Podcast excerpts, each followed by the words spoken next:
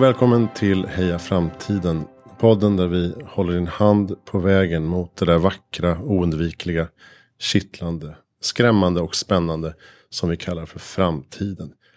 Och vad är då framtiden undrar du? Ja, det vill vi helst inte definiera. För vissa är fem år en oändlighet och för andra är hundraårsplaner fullt naturligt. Men för att hitta nya tankar om hur världen utvecklas och hur vi med den kunskapen i åtanke kan hjälpas åt för att skapa en bättre framtid tillsammans tar vi hjälp av våra fantastiska gäster. Jag heter Christian von Essen, gör den här podden tillsammans med Tobias Wahlqvist och Mårten Skånman. I det här avsnittet träffar vi Mikael Dahlén, ekonomiprofessor och forskare vid Handelshögskolan i Stockholm. Författare till såväl kurslitteratur i marknadsföring som populärvetenskapliga verk, reportage och skönlitteratur. Han är också en flitigt anlitad föreläsare, bland annat inom just framtidsfrågor. Välkommen Mikael Dahlén till Heja Framtiden. Tack snälla, säger jag med viss tvekan och grav prestationsångest. Alltså.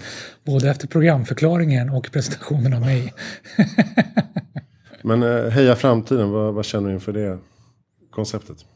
Jag tycker du summerar det jättebra. Eh, dels är att framtiden är så mycket den är ju större delen av våra liv. Naturligtvis rent eh, biologiskt och kronologiskt om vi eh, inte har kommit eh, halvvägs, som jag kan tänka mig att många av lyssnarna har gjort. Men även för de som är kanske på sin biologiska sluttamp så ägnar vi så mycket tid och tanke och möda åt den där framtiden, hur kort den än är rent kronologiskt. Och det är jättehärligt och det är jätteläskigt, men det tror jag är alldeles bestämt att vi måste ju heja på den. Annars är det ingen vits att gå upp imorgon igen. Varför är du själv road av att prata om framtiden? Och hur kommer det sig att det blev så från början tror du? Jag tror jag har två anledningar. Det ena är att jag är ju så här tvångsmässigt nyfiken på människor. Jag har försökt att dämpa den nyfikenheten för den sätter mig i trubbel ibland. Men jag kan inte. Och det jag har märkt är att människor ägnar sig så mycket åt att oroa sig eller glädjas åt framtiden. Så det följer liksom med bara farten. Om jag är nyfiken på människor och varför de gör som de gör så, så måste jag kolla på framtiden och hur de ser på den. Och den andra anledningen är att jag ju inbillar mig, håller fast krampaktigt vid tron på att jag ska kunna bli en någorlunda bra människa. Jag känner inte att jag är det än, så jag, jag ser framtiden an i så mått. Okej, okay, så det är en personlig utveckling samtidigt? Ja, precis mm. så. Jag tänker att jag ska bli så mycket bättre. Kikki Danielsson och jag i framtiden. Vad brukar du prata om när du är ute och föreläser? Du är ju över hela världen. Vad är det som efterfrågas? Ja, men det är ju så bisarrt att det är just framtiden folk vill höra om. Vare sig jag är eh, ditbjuden för att prata politik, samhällsekonomi, företagsstrategi, talent management, marknadsföring, lycka, ondska eller vad det än är så vill folk veta hur blir det sen? Hur kommer det bli de närmaste fem åren eller tio eller äh, vi har haft så många föreläsare nu så vi vill kittla lite mera. Hur kommer det bli om 50 år? Det, det gemensamma nämnaren är i stort sett allt jag pratar om och det folk verkligen betalar för och kommer för att lyssna på. Det är framtiden. Det känns som du säger att du kan fram, frammana viss prestationsångest Ja, och det intressanta är, jag märker det, särskilt när jag reser runt i världen och gärna när det är i USA där det är konkurrens bland talare både om pengar och prestige och status och allt vad det är, att det blir så lite kapprustning. Det handlar om att leverera den absolut mest ögonbrynshöjande, tak, tak, haktappande, roande och oroande framtiden. Ta i ända från tårna. Och det är en sån här skön grej är att om du, om jag, om en lyckas riktigt bra med att leverera en spännande framtid då blir jag tillfrågad om jag vill komma nästa år och prata om framtiden igen. Så jag pratade jättebra på beställningen, hur kommer de närmaste tio åren se ut? Och då blev jag ditbjuden och prata igen året efter och då är fortfarande 90 procent, om man tänker att det är linjärt då, 90 procent av framtiden jag pratar om är fortfarande kvar. Men då kan jag inte stå och prata om samma saker. Så då måste jag hitta på någonting nytt och det tycker jag är så fascinerande, så här, anakronistiskt men ändå inte, att framtiden ändrar ju på sig innan den ens har hänt. Det tycker jag är häftigt. Vi, vi är å ena sidan benägna att betrakta framtiden som ett facit. Så här är det. Stockholm kommer vara så här mycket större om 20 år. Planeten kommer vara slut om x antal år. Och så vidare. Alla dessa ser vi som, som fakta. Det är så. Samtidigt som nästa gång vi pratar om det så ser vi annorlunda på det olika. Så har det förändrats innan det ens hände. Det, det känns ju lite som problemet med ekonomiska teorier. I alla fall tidigare. Att man förutsätter ett skeende som baseras på dagen, dagens eh, tillgängliga resurser. Ja. Man kan ju inte förstå hur Precis. det kan förändras eh, under de här 20 åren också. Eller att man själv är delaktig i det. Man ibland känns det som att man utmålar en framtid där man nästan är passiv och tittar på. Ja, som att framtiden kommer i knäna på oss. Och eh, eh under några år så föreläste jag rätt flitigt och kände mig som terapeut också kring sociala medier och vår otålighet och allt det här. Och så många som ojade sig över att de sociala medierna tar över vårt liv och vi kan inte värja oss från dem och så vidare. Som skulle de fallit lik manna från himlen, fast inte manna, någonting hemskare och grodor från himlen. Eller att aliens har landat och bara tryckte på oss och vi har ingen val så. Det är ändå vi som skapar de sociala medierna och utvecklar dem hela tiden. Det är så lätt att vi, vi glömmer det. Liksom det. Å ena sidan så, så lider vi, det finns ett uttryck som eh, väldigt enkelt förklarar det, trendillusion. Vi tror, hela ekonomiska systemet är också uppbyggt på det. Att vi tror att det som händer just nu, en ökning, en minskning, är, är bara början på en trend som kommer hålla i sig linjärt och öka lika mycket eller minska lika mycket. Eller, tror vi oftast ännu mer, det kommer accelerera och bli ännu mera eller ännu sämre av det här. Trots att det vi vet definitivt i ekonomiska system är att det som går upp det kommer falla ner igen och det som går ner kommer att gå upp igen. Och väldigt mycket funkar ju så. Det kommer till en viss gräns och sen... Det känns som det kanske är en överanvändning av begreppet exponentiell tillväxt. Det är ju så härligt att använda det uttrycket om man har lärt sig det. Mm. det är, jag har ju skrivit som du sa läroböcker i marknadsföring och varumärken och exponentiell eh, tickar, checkar av ganska många boxar för ett bra varumärkesnamn. För att eh, P och X och E är två konsonanter och en vokal som ligger väldigt bra, åtminstone i västvärlden, i människors munnar. Så därför vi gillar att säga exponentiell. Expo är det inte exponentiellt det här? Jo, det är det nog. Men finns det en risk tror du att just de här, som du säger i föreläsarkonkurrensen, att man slänger sig med sanningar? Om du skulle sticka ut hakan och säga 2030 kommer vi flyga allihop. Då kommer det bli rubriker och så tolkas det ur sitt kontext och eh, folk tror att du är antingen genialisk eller galen. ja. Finns det ett dilemma i det där? Jag ja. på, till exempel AI-debatten nu är lite så. Mm. Eh, dels så, så finns det en illusion att om flera personer säger en och samma sak så måste det vara så. Därför att varje individ ser helt olika saker, vill helt olika saker, tänker helt olika. Problemet är att vi människor i långt över 90 procent av allt vi tänker och gör tänker och gör likadant. Därför att vi inte tänker så väldigt mycket när vi tänker det eller gör det. Så det är en ren illusion. Det, det, är snarare så att säger en person det så är sannolikheten väldigt stor om man ska gissa att nästa person som blir ombedd att prata kommer säga precis samma sak för att mm. ingen av dem har tänkt efter så jättenoga. Och vi har så liknande referensramar och de referensramarna är ju här och nu. Det tycker jag också är enormt fascinerande. Säger flera personer det så blir det en sanning. Jag menar det är ju hela fake news-grejen. Mm. Kan du få tillräckligt många att säga det och det är väldigt enkelt i bubblor så blir det en sanning. Och det blir väldigt ofta som vi tänkt oss. Bokstavligt talat. För tänker vi att saker och ting ska hända så bör vi bete oss så och så blir det så. Det, det, är därför vi inte gör saker vi inte tror att vi kan för att vi aldrig försöker göra dem ordentligt. Eh, och det är därför vi eh, ibland gör mer än vi kan för att vi inte vet bättre. så bestämmer vi oss för att någonting kommer se ut på ett visst sätt så ökar vi sannolikheten per definition att det blir så. Men utvikningen tycker jag också är kul att väldigt mycket av det vi tror och tänker om framtiden är någon sorts reflektioner av det vi gläds åt eller oroar oss över just nu. Science fiction-filmer är ju sådana fantastiska exempel. I oroliga tider så blir det mera domedagsfilmer och i, i högkonjunktur när allt går bra så blir det mera futuristiska, galna high-tech-varianter om helt nya utopier. Sådana saker.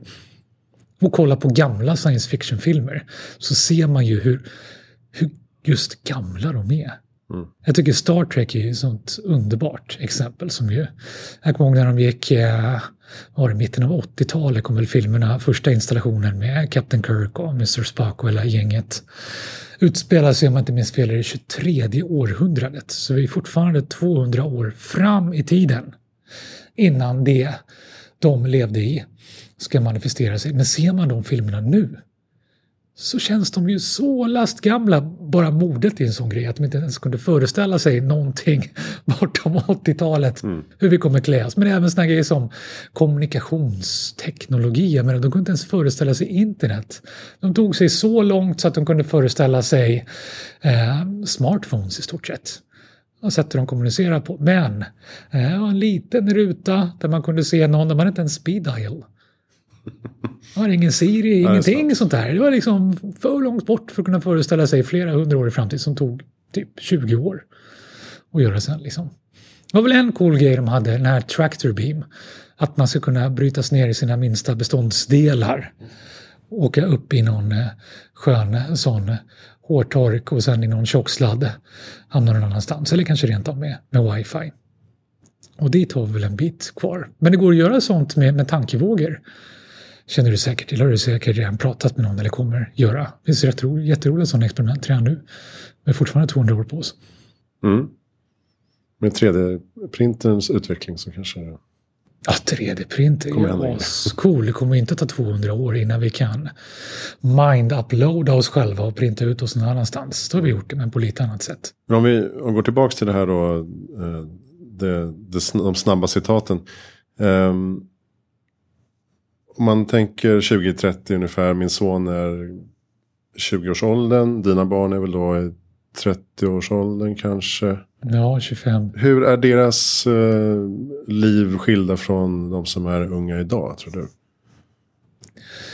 Eh, deras liv kommer skilja sig på en massa olika sätt. De kommer inte gå i skolan som unga gör idag.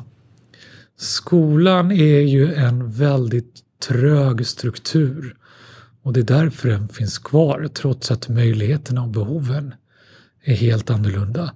Så det är en ren strukturomvandling bara som måste göras och det görs steg för steg. Skolan kommer vara mera, ja, lite det fritidsgårdar var när, när jag var ännu yngre än jag är nu.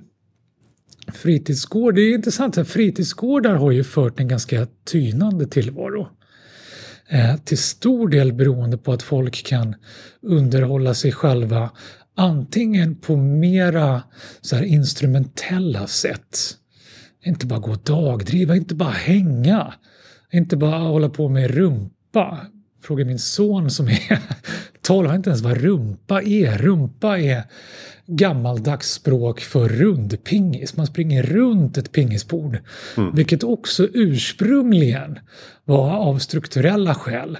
Därför att resurserna var så knappa så alla kunde inte ha varsin pingisracket. Mm. Eller rent av ha flera pingisbord. Så fick man dela på racketen. Vilket 30-åringar idag gör på barerna. Ja. Det är lite lustigt. Men det är sådär som är häftigt. Det liksom blev en grej och ingen har tänkt på varför. Men det var en ren strukturfråga runt pingis. Och nu är det borta därför att nu har vem som helst råd att skaffa pingisracket. Dessutom verkar det skittråkigt när man kan ha ihjäl folk i eh, online-spel på CSGO eller en sån här grej istället. Eller så kan det vara mycket mera funktionellt inriktad. Du kan gå på gymnastik och basket och taekwondo och ballett och fiol. Och helst ska du ju med, med dagens väldigt ambitiösa föräldrar som gör revansch på sig själva, sin barndom och sin framtid göra alla de sakerna saken, om inte samtidigt så åtminstone en i taget. Som vem fasen kan slösa sitt liv på en fritidsgård?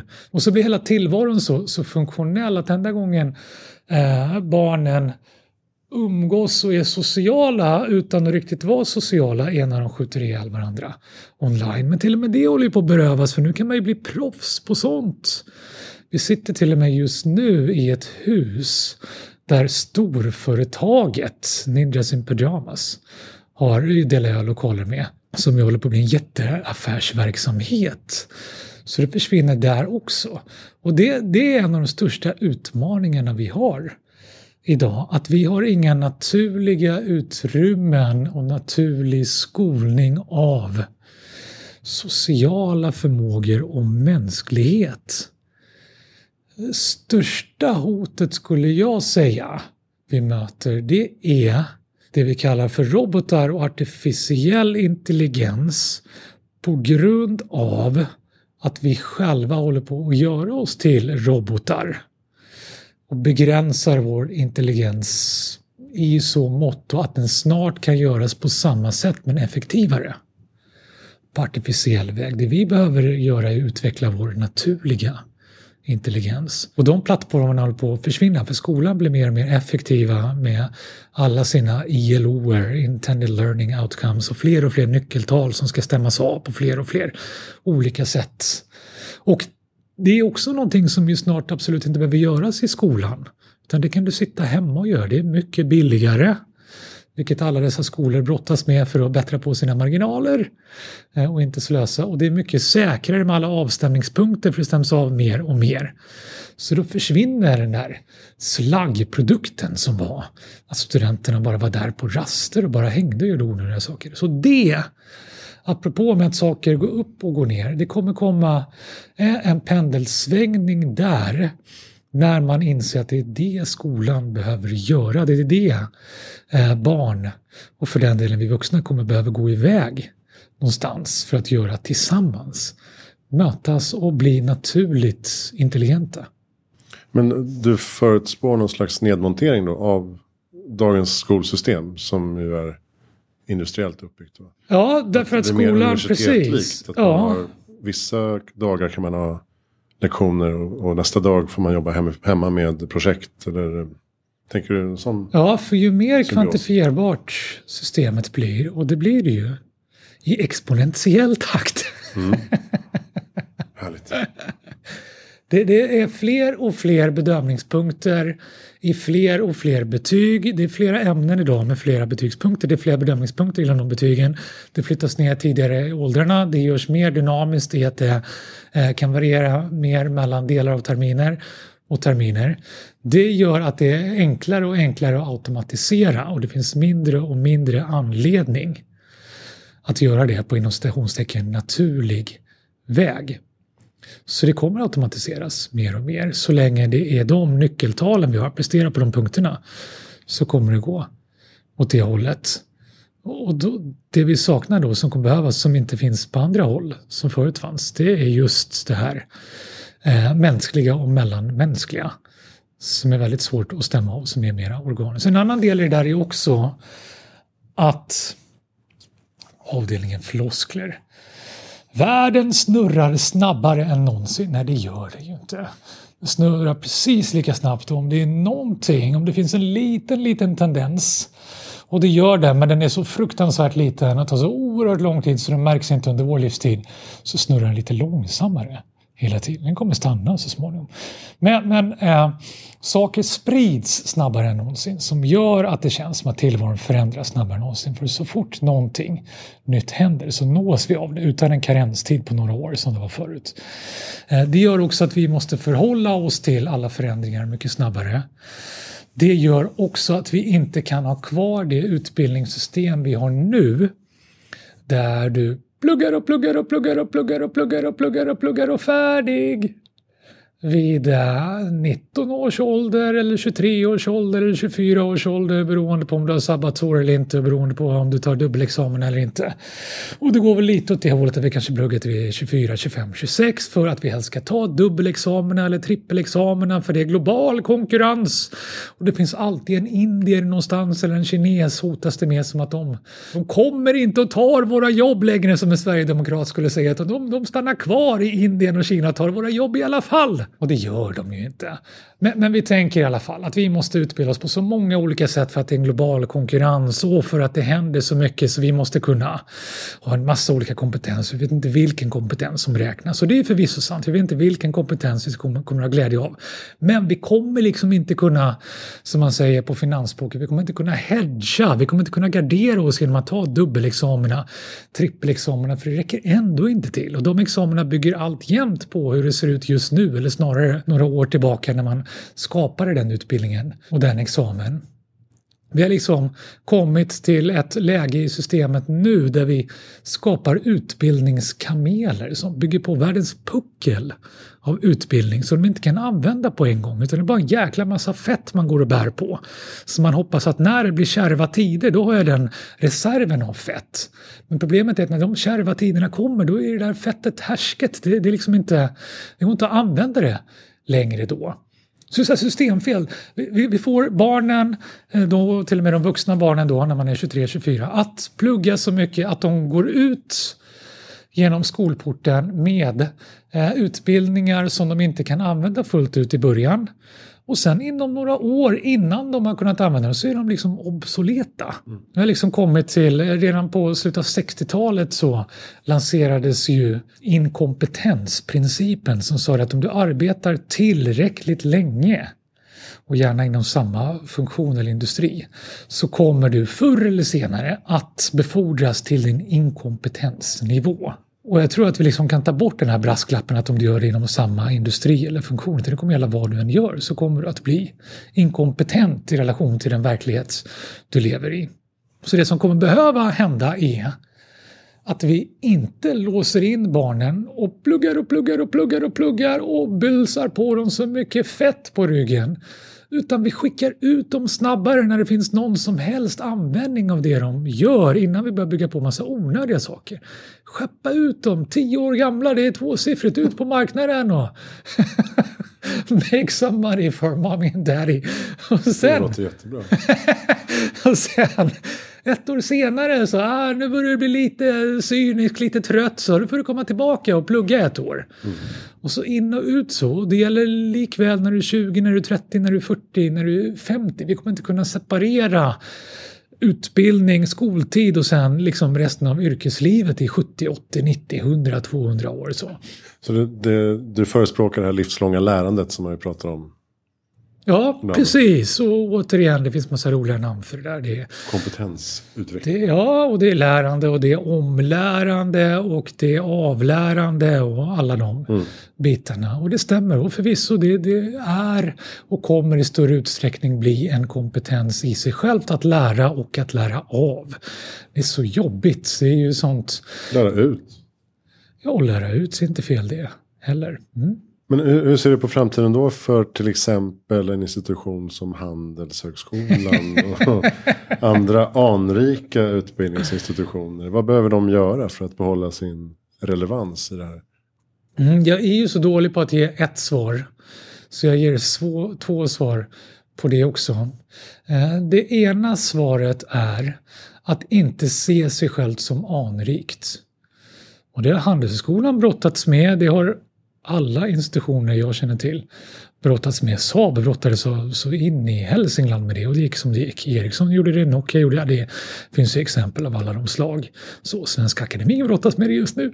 Att ser man sig själv som anrik så blir det jätte jättejobbigt att gräva i det som gjorde oss stora och fantastiska i en tid som inte finns längre. Där behoven och möjligheterna inte är de samma. Då riskerar vi att göra oss själva en, en otjänst. Så, så se oss inte som anrika utan titta vad vi har som är bra just nu, vad vi skulle kunna göra som är bra imorgon och det behöver inte ha väldigt mycket gemensamt med det vi gjorde igår. Och det är ett annat sånt där felslut som så många brottas med, vare sig det är företagsamhet eller det är äktenskap och så. Att vi, vi tänker så här att om någonting avvecklas, säg att Handelsskolan skulle läggas ner nu. Säg att du skulle skilja dig från din partner. Så ser vi det som ett misslyckande och börjar helt plötsligt tänka att ja, det var ett misslyckat äktenskap. Det var ett misslyckande för Handelsskolan istället för att tänka att Handelsskolan har funnits i över hundra år och gjort helt fantastiska saker. Och det förändras inte av någonting vi gör nu. De sakerna har varit lika fantastiska och lika värdefulla. 20 lyckliga år i ett äktenskap blir inte olyckliga för att ni skiljer er. De var lika lyckliga, lika värdefulla för er båda som människor och människor runt omkring er. Men att sen leva olycklig i 40 år till för att det är någon sorts sänkt kostnad att vi har gift oss, det blir ju väldigt dålig ekonomi. Det bästa mm. kanske är att ni skiljer och delar med er. Och samma, Var sak liksom. sin tid. Precis så. Och det tycker jag är jätteviktigt att komma ihåg. För den frågan kommer alltid upp hela tiden för mig som ekonomiprofessor, som en föreläsare eller guru eller ibland rådgivare. Så här, hur, hur ska vi framtidssäkra oss? Hur ska vi göra oss relevanta in i framtiden? Svaret behöver inte alltid vara att ni ska göra det. Och det gillar jag också med så här, inom stationstecken nyare verksamheter, för de är inte så nya längre. Så, som Spotify till exempel. Där de ju sa förut att vi ser inte framför oss att vi nödvändigtvis kommer finnas om 50 år. Mm. Ens om 10. Det gick ju väldigt fort för oss att komma till skott och förändra en hel industri i grunden. Så det vore ju naivt och lite fåfängt av oss att tänka att vi nu kommer slutgiltigt facit. Det kommer väl förmodligen någon annan som är samma sak. Så, så, för vår egen skull och för andras så är det väl bra att tänka tanken att vi kanske inte ska finnas så länge. Men, men nu om man hör till Spotify och till vilken startup som helst som överlevt några år och helt plötsligt inte riktigt är en startup så, så blir tongångarna annorlunda för det är så fundamentalt i oss att när vi väl har skapat oss ett sorts normalläge när vi inte känner oss som nya längre så tänker vi så här ska det alltid vara men lite mer av det kan inte bli mindre, kan inte försvinna. Det är därför också de där entreprenörssjälarna hoppar av och startar nya saker hela tiden. Ja. De kan inte gå på tomgång. Nej. Många. Och de som blir kvar brottas ofta med det och, och drar företaget i botten eller sig själva i botten är väldigt vanligt. De mår jättedåligt av det.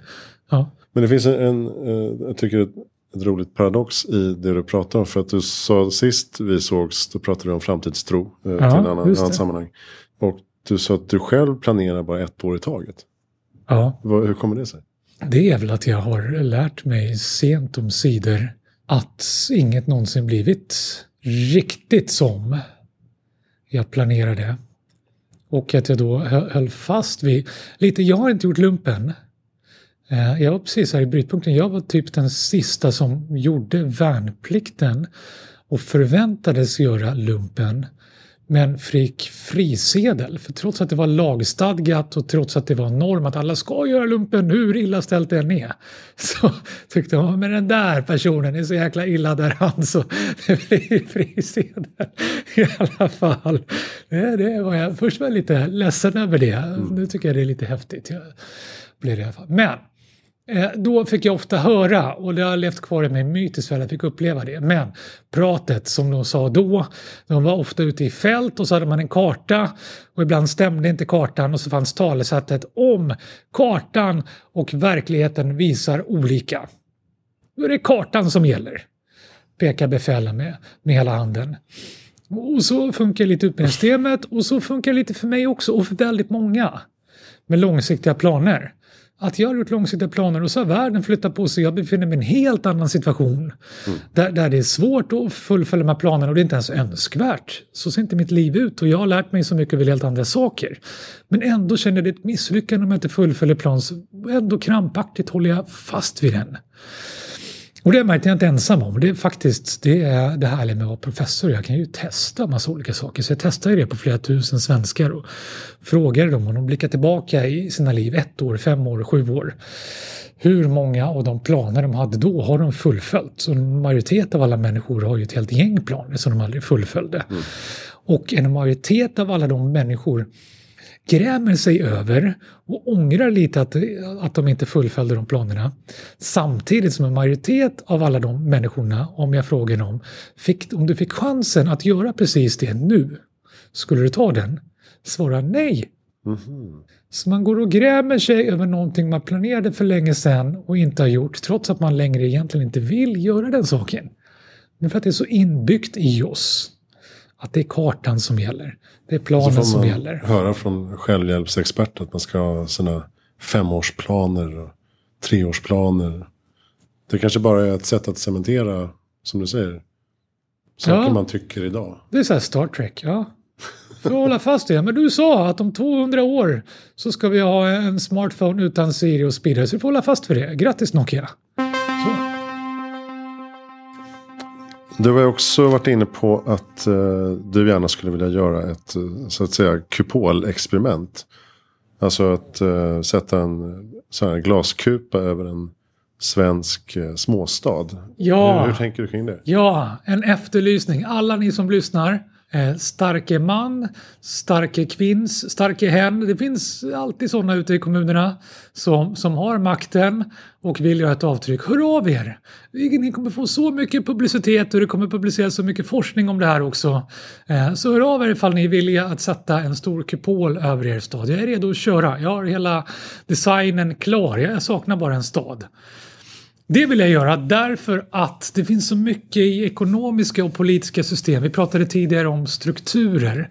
Skolan är en struktur som hämmar utvecklingen. Det skulle ha kunnat hänt mycket mera än det har gjort på grund av tid och förändra strukturer, men det kommer hända. Samma sak är det med både ekonomi och politik också sättet vi, vi röstar på och har representation i partier. Det är föråldrat. Det, det är därför vi har Trump vid makten. Därför att verkligheten ser annorlunda ut så någonting händer som inte borde kunna hända. Fråga alla amerikaner. Det var ingen som trodde att det blev han, därför man inte kunde se det inom strukturen. Samma med ekonomin också, med bubblorna vi har och det går inte ihop liksom. Så, eh, mycket av det händer inte för att du kan inte bara ändra en liten sak i ett ekonomiskt system. Vi ändrar bara möjligheten att rösta, den blir digital. Den blir digital. Ja, men det går ju inte för då måste man tänka på det här med, med representation och kunna stämma av med vem som röstar så blir det massa olika snaber. Ekonomi, samma sak. Okej, okay, men om vi gör så här, vi, vi tar bort BNP som främsta styrmedel. Men det går ju inte för det hänger ju ihop med, med inflation och löneutveckling och allt det här. Alla talar alltid så mycket om att det går inte för, för det är så många ripple effects som heter ringar på vattnet.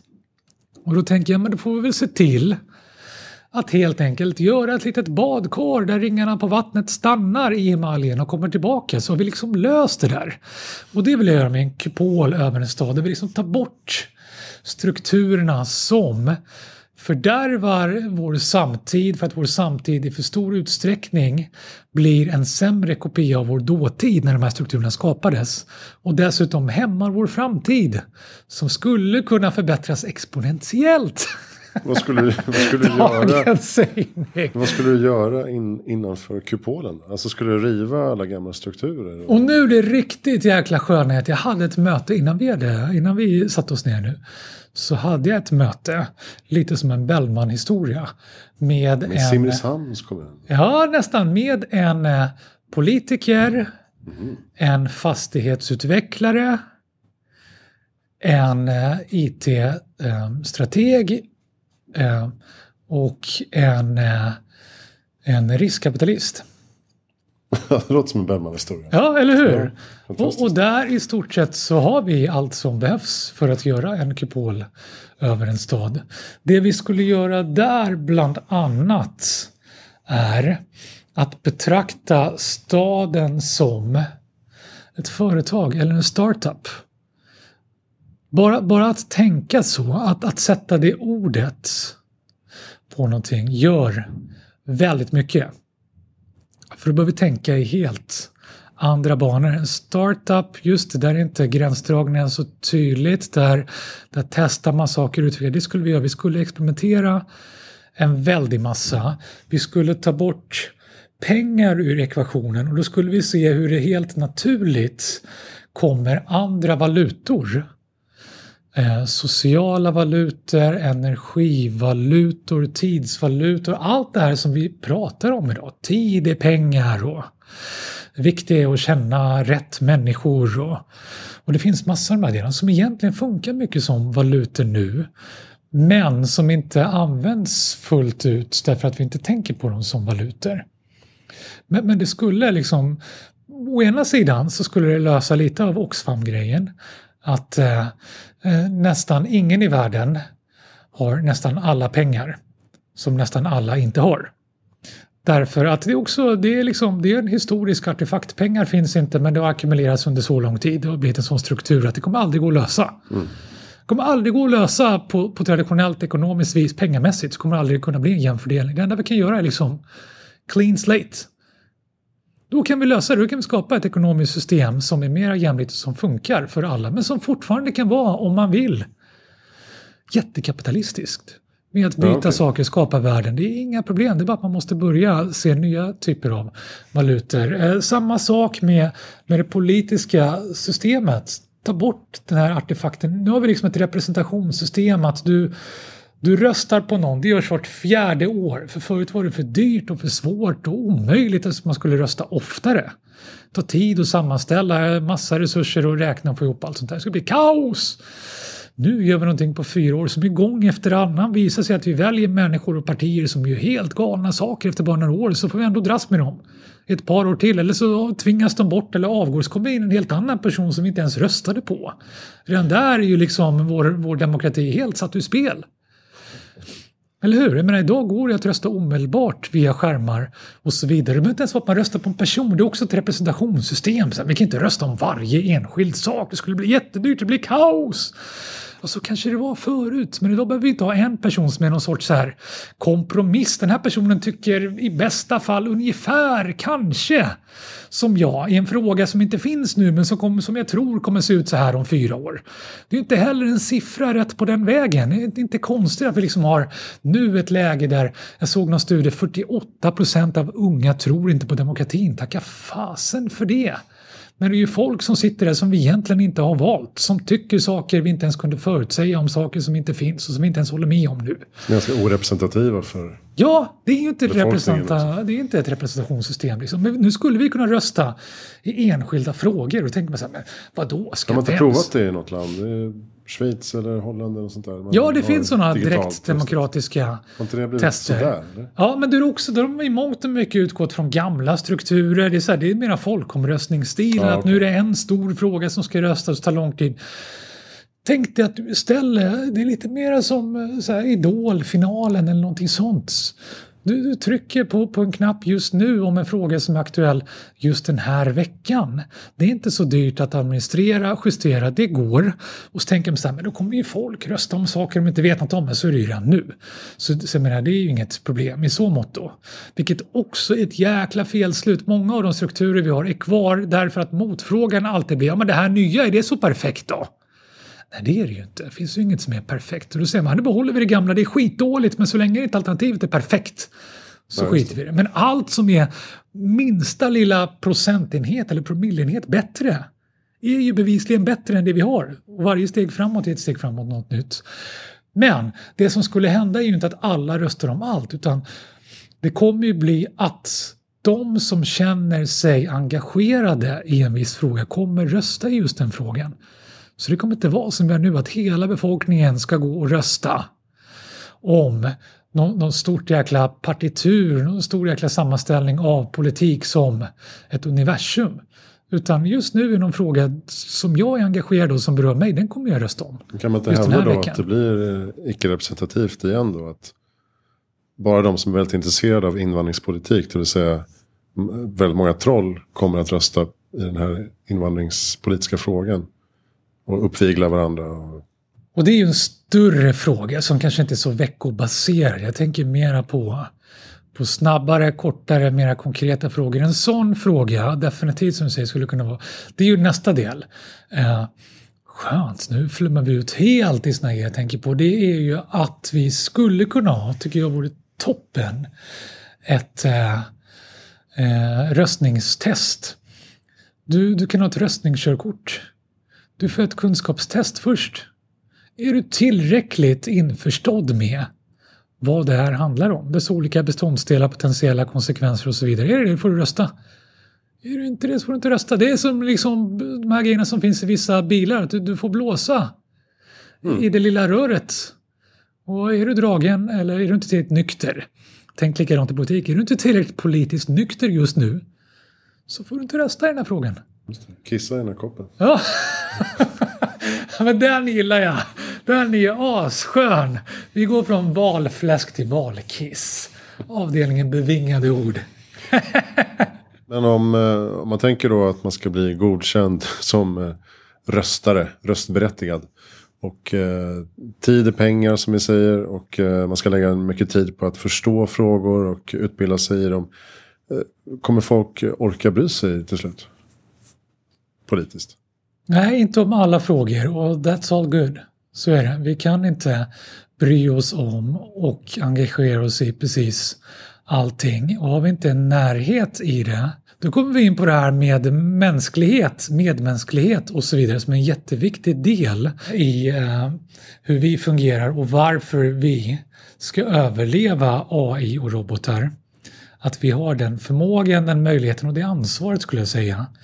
Eh, vi kan inte agera medmänskligt om vi inte identifierar oss med och känner oss personligt berörda och delaktiga i det vi gör.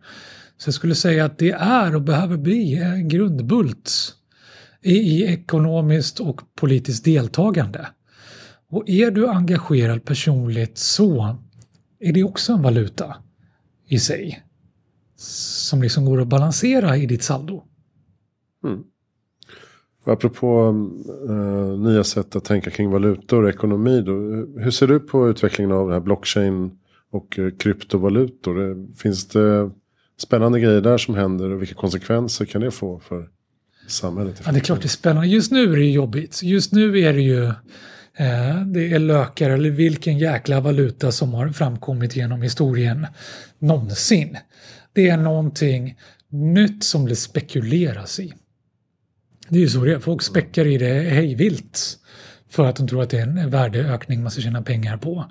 Så länge det är det så är det ju inte en valuta egentligen. Då är det ett värdepapper som det ser ut på börsen. Så idag är det inte en valuta, men och det är det det spekuleras i egentligen.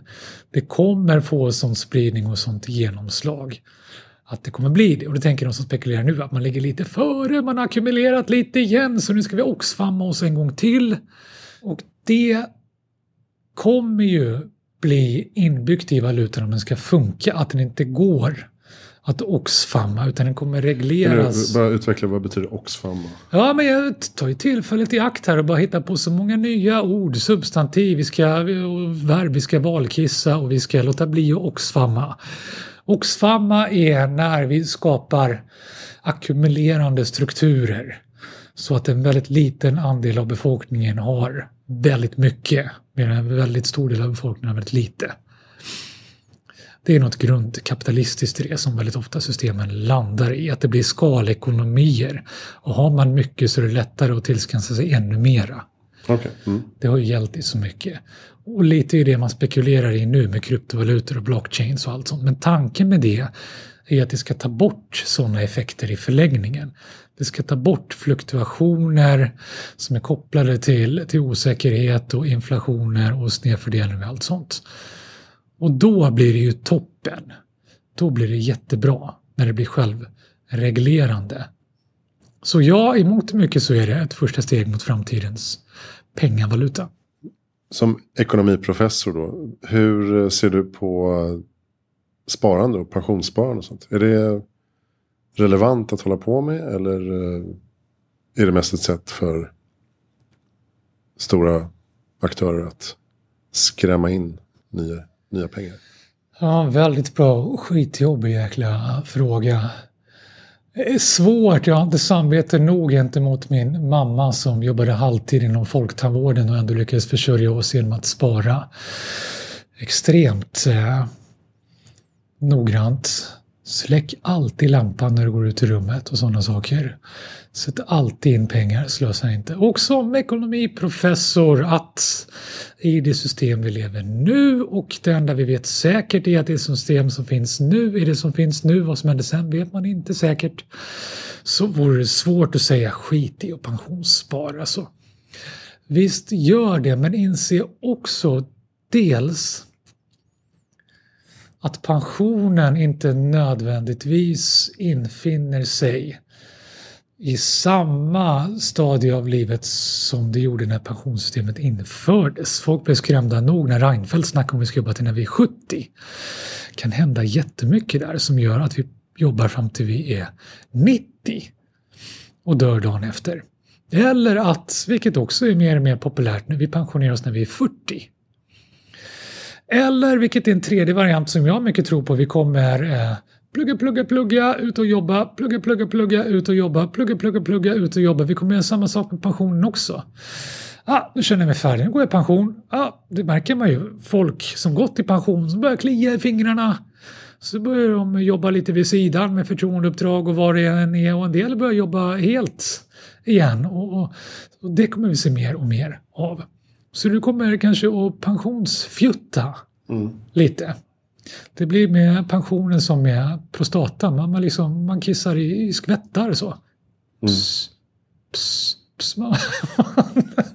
vi, Men, tänker prostatapension. det tycker jag är en bra, bra metafor. Men så tror jag också att att lita på gamla institutioner, sätta in pengar. Om vi nu tänker det här med med räntor. Jag menar, nu har vi ju sett det vi inte trodde kunde hända med nollräntor, vi har till och med sett negativ ränta. Bara mm. tänka att man sätter pengar på banken och så växer det. Nej, så är det inte. Då skulle bli riskkapitalister allihopa och chansa. Ja, det är inte säkert heller. Jag tror mer och mer det handlar om att investera i, i saker som du gör själv eller tillsammans med andra sådana grejer. Så jag mindre och mindre att, att sätta pengar någonstans eller be någon annan att sätta kapitalet i arbete. Mer och mer att, sätta, att själv sätta kapitalet i, i arbete. Jag tror i liksom eh, att vi i större utsträckning kommer att vara entreprenörer och riskkapitalister allihopa. Det är någonting vi ser både med, med, med crowdsourcing och crowdfunding som blir vanligare och vanligare. Man, man, lägger några kronor här och där och skapas en verksamhet så, som växer och som jag kan ha utbyte av i pengar tillbaka så småningom eller kanske att jag bara jobbar där eller vad det nu är. Mm. Hur, hur investerar du själv dina pengar? Ja, där lever jag som jag lär. Eller också är det tvärtom, att jag börjat göra så, så lär jag nu för att så här, rättfärdiga mitt eget väsen. Men jag eh, investerar inte särdeles mycket om än en liten del i fonder och sånt, men mer och mer i egna egna och gemensamma verksamheter som jag hoppas och tror kommer växa. Mm. Så jag har några grejer inom eh, kost och livsmedel som är jättespännande där det händer saker mm. och som ju kommer förändras och förändra världen. Eh, jag har några grejer inom träning och hälsa och sånt som ligger mig varmt om hjärtat. Och eh, några grejer inom eh, eh, miljö och klimat och lite sånt. Ja, lite olika. Innovationer eller bolag? Eller både och? Ja, det är för mig det är samma sak. Ja, ja. Mm. Hur ser du på det här med eh, att uppgradera sig själv eh, som människa då med eh, minnesimplantat, eh, nanorobotar, eh, titanproteser. Du är, du är intresserad av träning och kost och eh, hälsa och utveckling. Och du har sagt att du gärna vill bli 200 år gammal. Ja. Kan du själv tänka dig att liksom uppgradera dig på olika sätt? Absolut, det, det, är en anledning till att jag vill bli så gammal. Eh, det ena är att jag vill få uppleva allt som kommer. Jag är så nyfiken för det kommer ju bli så fantastiskt. I rent exponentiell takt. Eh, och det andra är att jag vill testa grejerna som gör det möjligt också. Jag är jättespänd på på de medicinska möjligheter som redan finns och håller på att utvecklas och snart finns. De tekniska, teknologiska landvinningarna. Eh, de eh, rön vi gjort inom livsföring som också bara går att applicera på hur man lever och så vidare. Allt det där vill jag ju testa. Och det är också det är lite en strukturdel att det måste tillgängliggöras, det måste regleras. Flera av de här grejerna går att göra men görs inte än för att det är etiska och politiska frågeställningar i det där. Så det behöver redas ut men kommer göras. Eh, det är en del. Sen är det sån här normgrej hur vi ser på det också. Mm. Plastikoperationer är mycket, mycket vanligare idag. Eh, inte bara för att det är billigare och lättare men också för att vi inte ser på det lika mycket som 01. Att du, du är född med det. Gud eller någon högre makt eller naturen gett dig och var nöjd med det liksom. Kan inte hålla på att ändra på saker och ting. Det har ju luckrats upp i takt med att det blir vanligare och vanligare med att man har tandställning. Ja, om jag får fixa tänderna, varför får jag då inte fixa näsan eller vad det nu är? Själv eftersom jag är mamma i folktandvården har jag haft tandställning i tre omgångar. Så jag har meckat ordentligt med tänderna. Jag eh, växte upp och är enormt lyckligt lottad att jag inte föddes ännu några år tidigare med två öron som inte fungerade, som var totalt trasiga. Jag hörde ingenting och det gjorde ont i dem hela tiden. Och jag hade väldigt flyt för en experimentell, en väldigt experimentglad läkare, då docent, nu professor, Dan Bagger Sjöbäck. Om du hör det här, tack snälla. Eh, som inte gav upp, så han testade nya grejer under hela min uppväxt.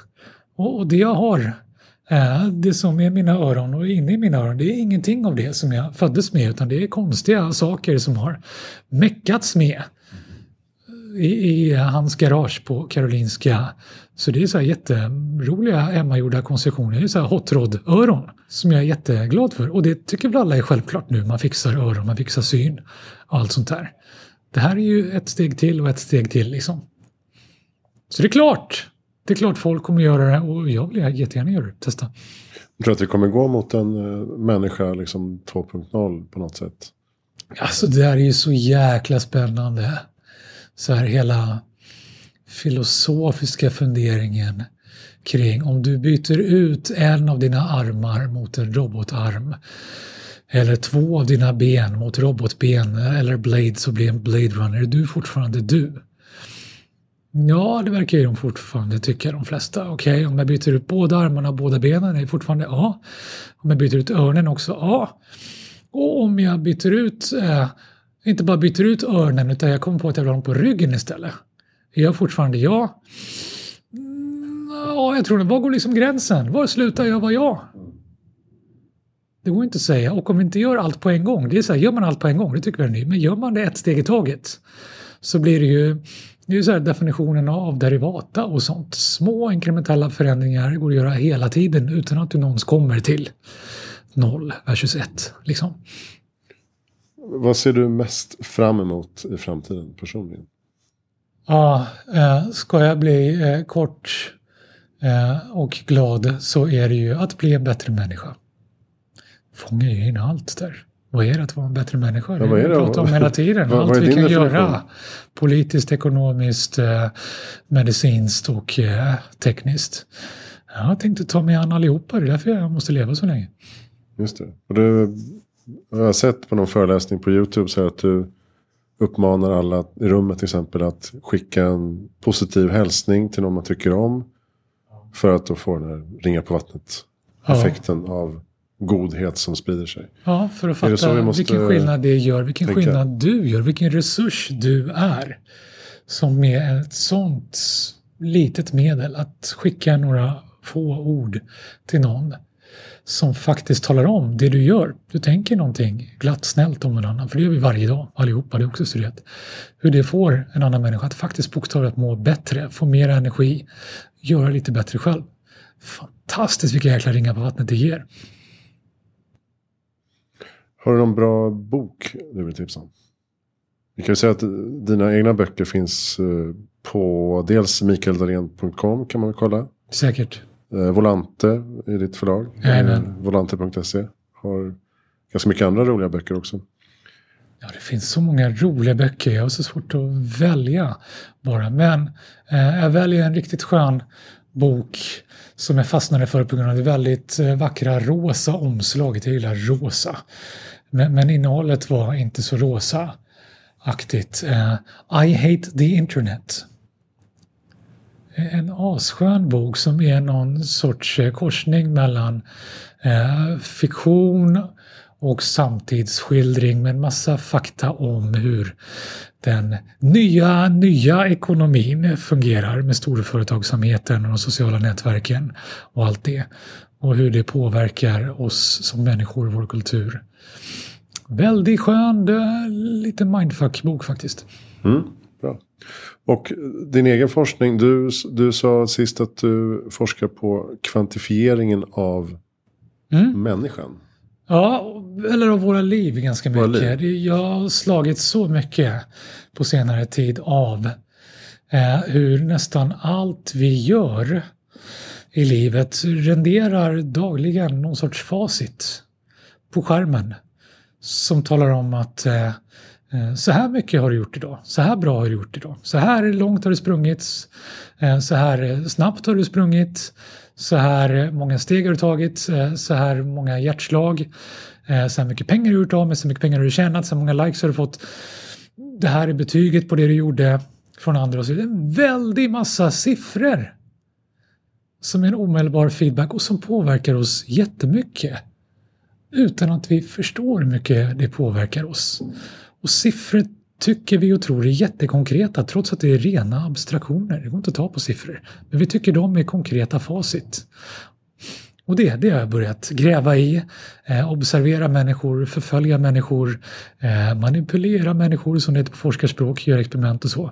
För att se allt förfärligt och allt härligt det kan innebära. Alltså hur man kan påverkas av Ja, hur mycket vi redan påverkas av som vi borde förstå och lära oss av. Eh, och också hur, vi faktiskt lite smartare. Det är lite förlängningen av eh, Taylors nudgar till exempel, eh, Nobelpristagaren nu senast. Titta på hur kan man med enkel feedback och information få folk att fatta lite smartare beslut. Peta i rätt riktning. Ja, mot att bli en bättre och siffror är jättekraftfulla där. Mm. En sån enkel sak som att gå in på snabbmatsrestaurang och där står det antalet kalorier på, på menyerna och sånt. Det är en typisk sån sak. Vem tycker att vi ska intervjua i Heja Framtiden? Ja, men snacka med Taylor då. Det är en skön lirare. Mm. Och Bra. ingen är längre än en knapptryckning bort. Stort tack Mikael Dahlén för din tid. Eh, vi heter Heja Framtiden, finns på Facebook. Och en e-mailadress har vi också daskat fram. Hejaframtiden.gmail.com Jag heter Christian von Essen och nästa gång är vi tillbaka med något helt annat. Tack så mycket.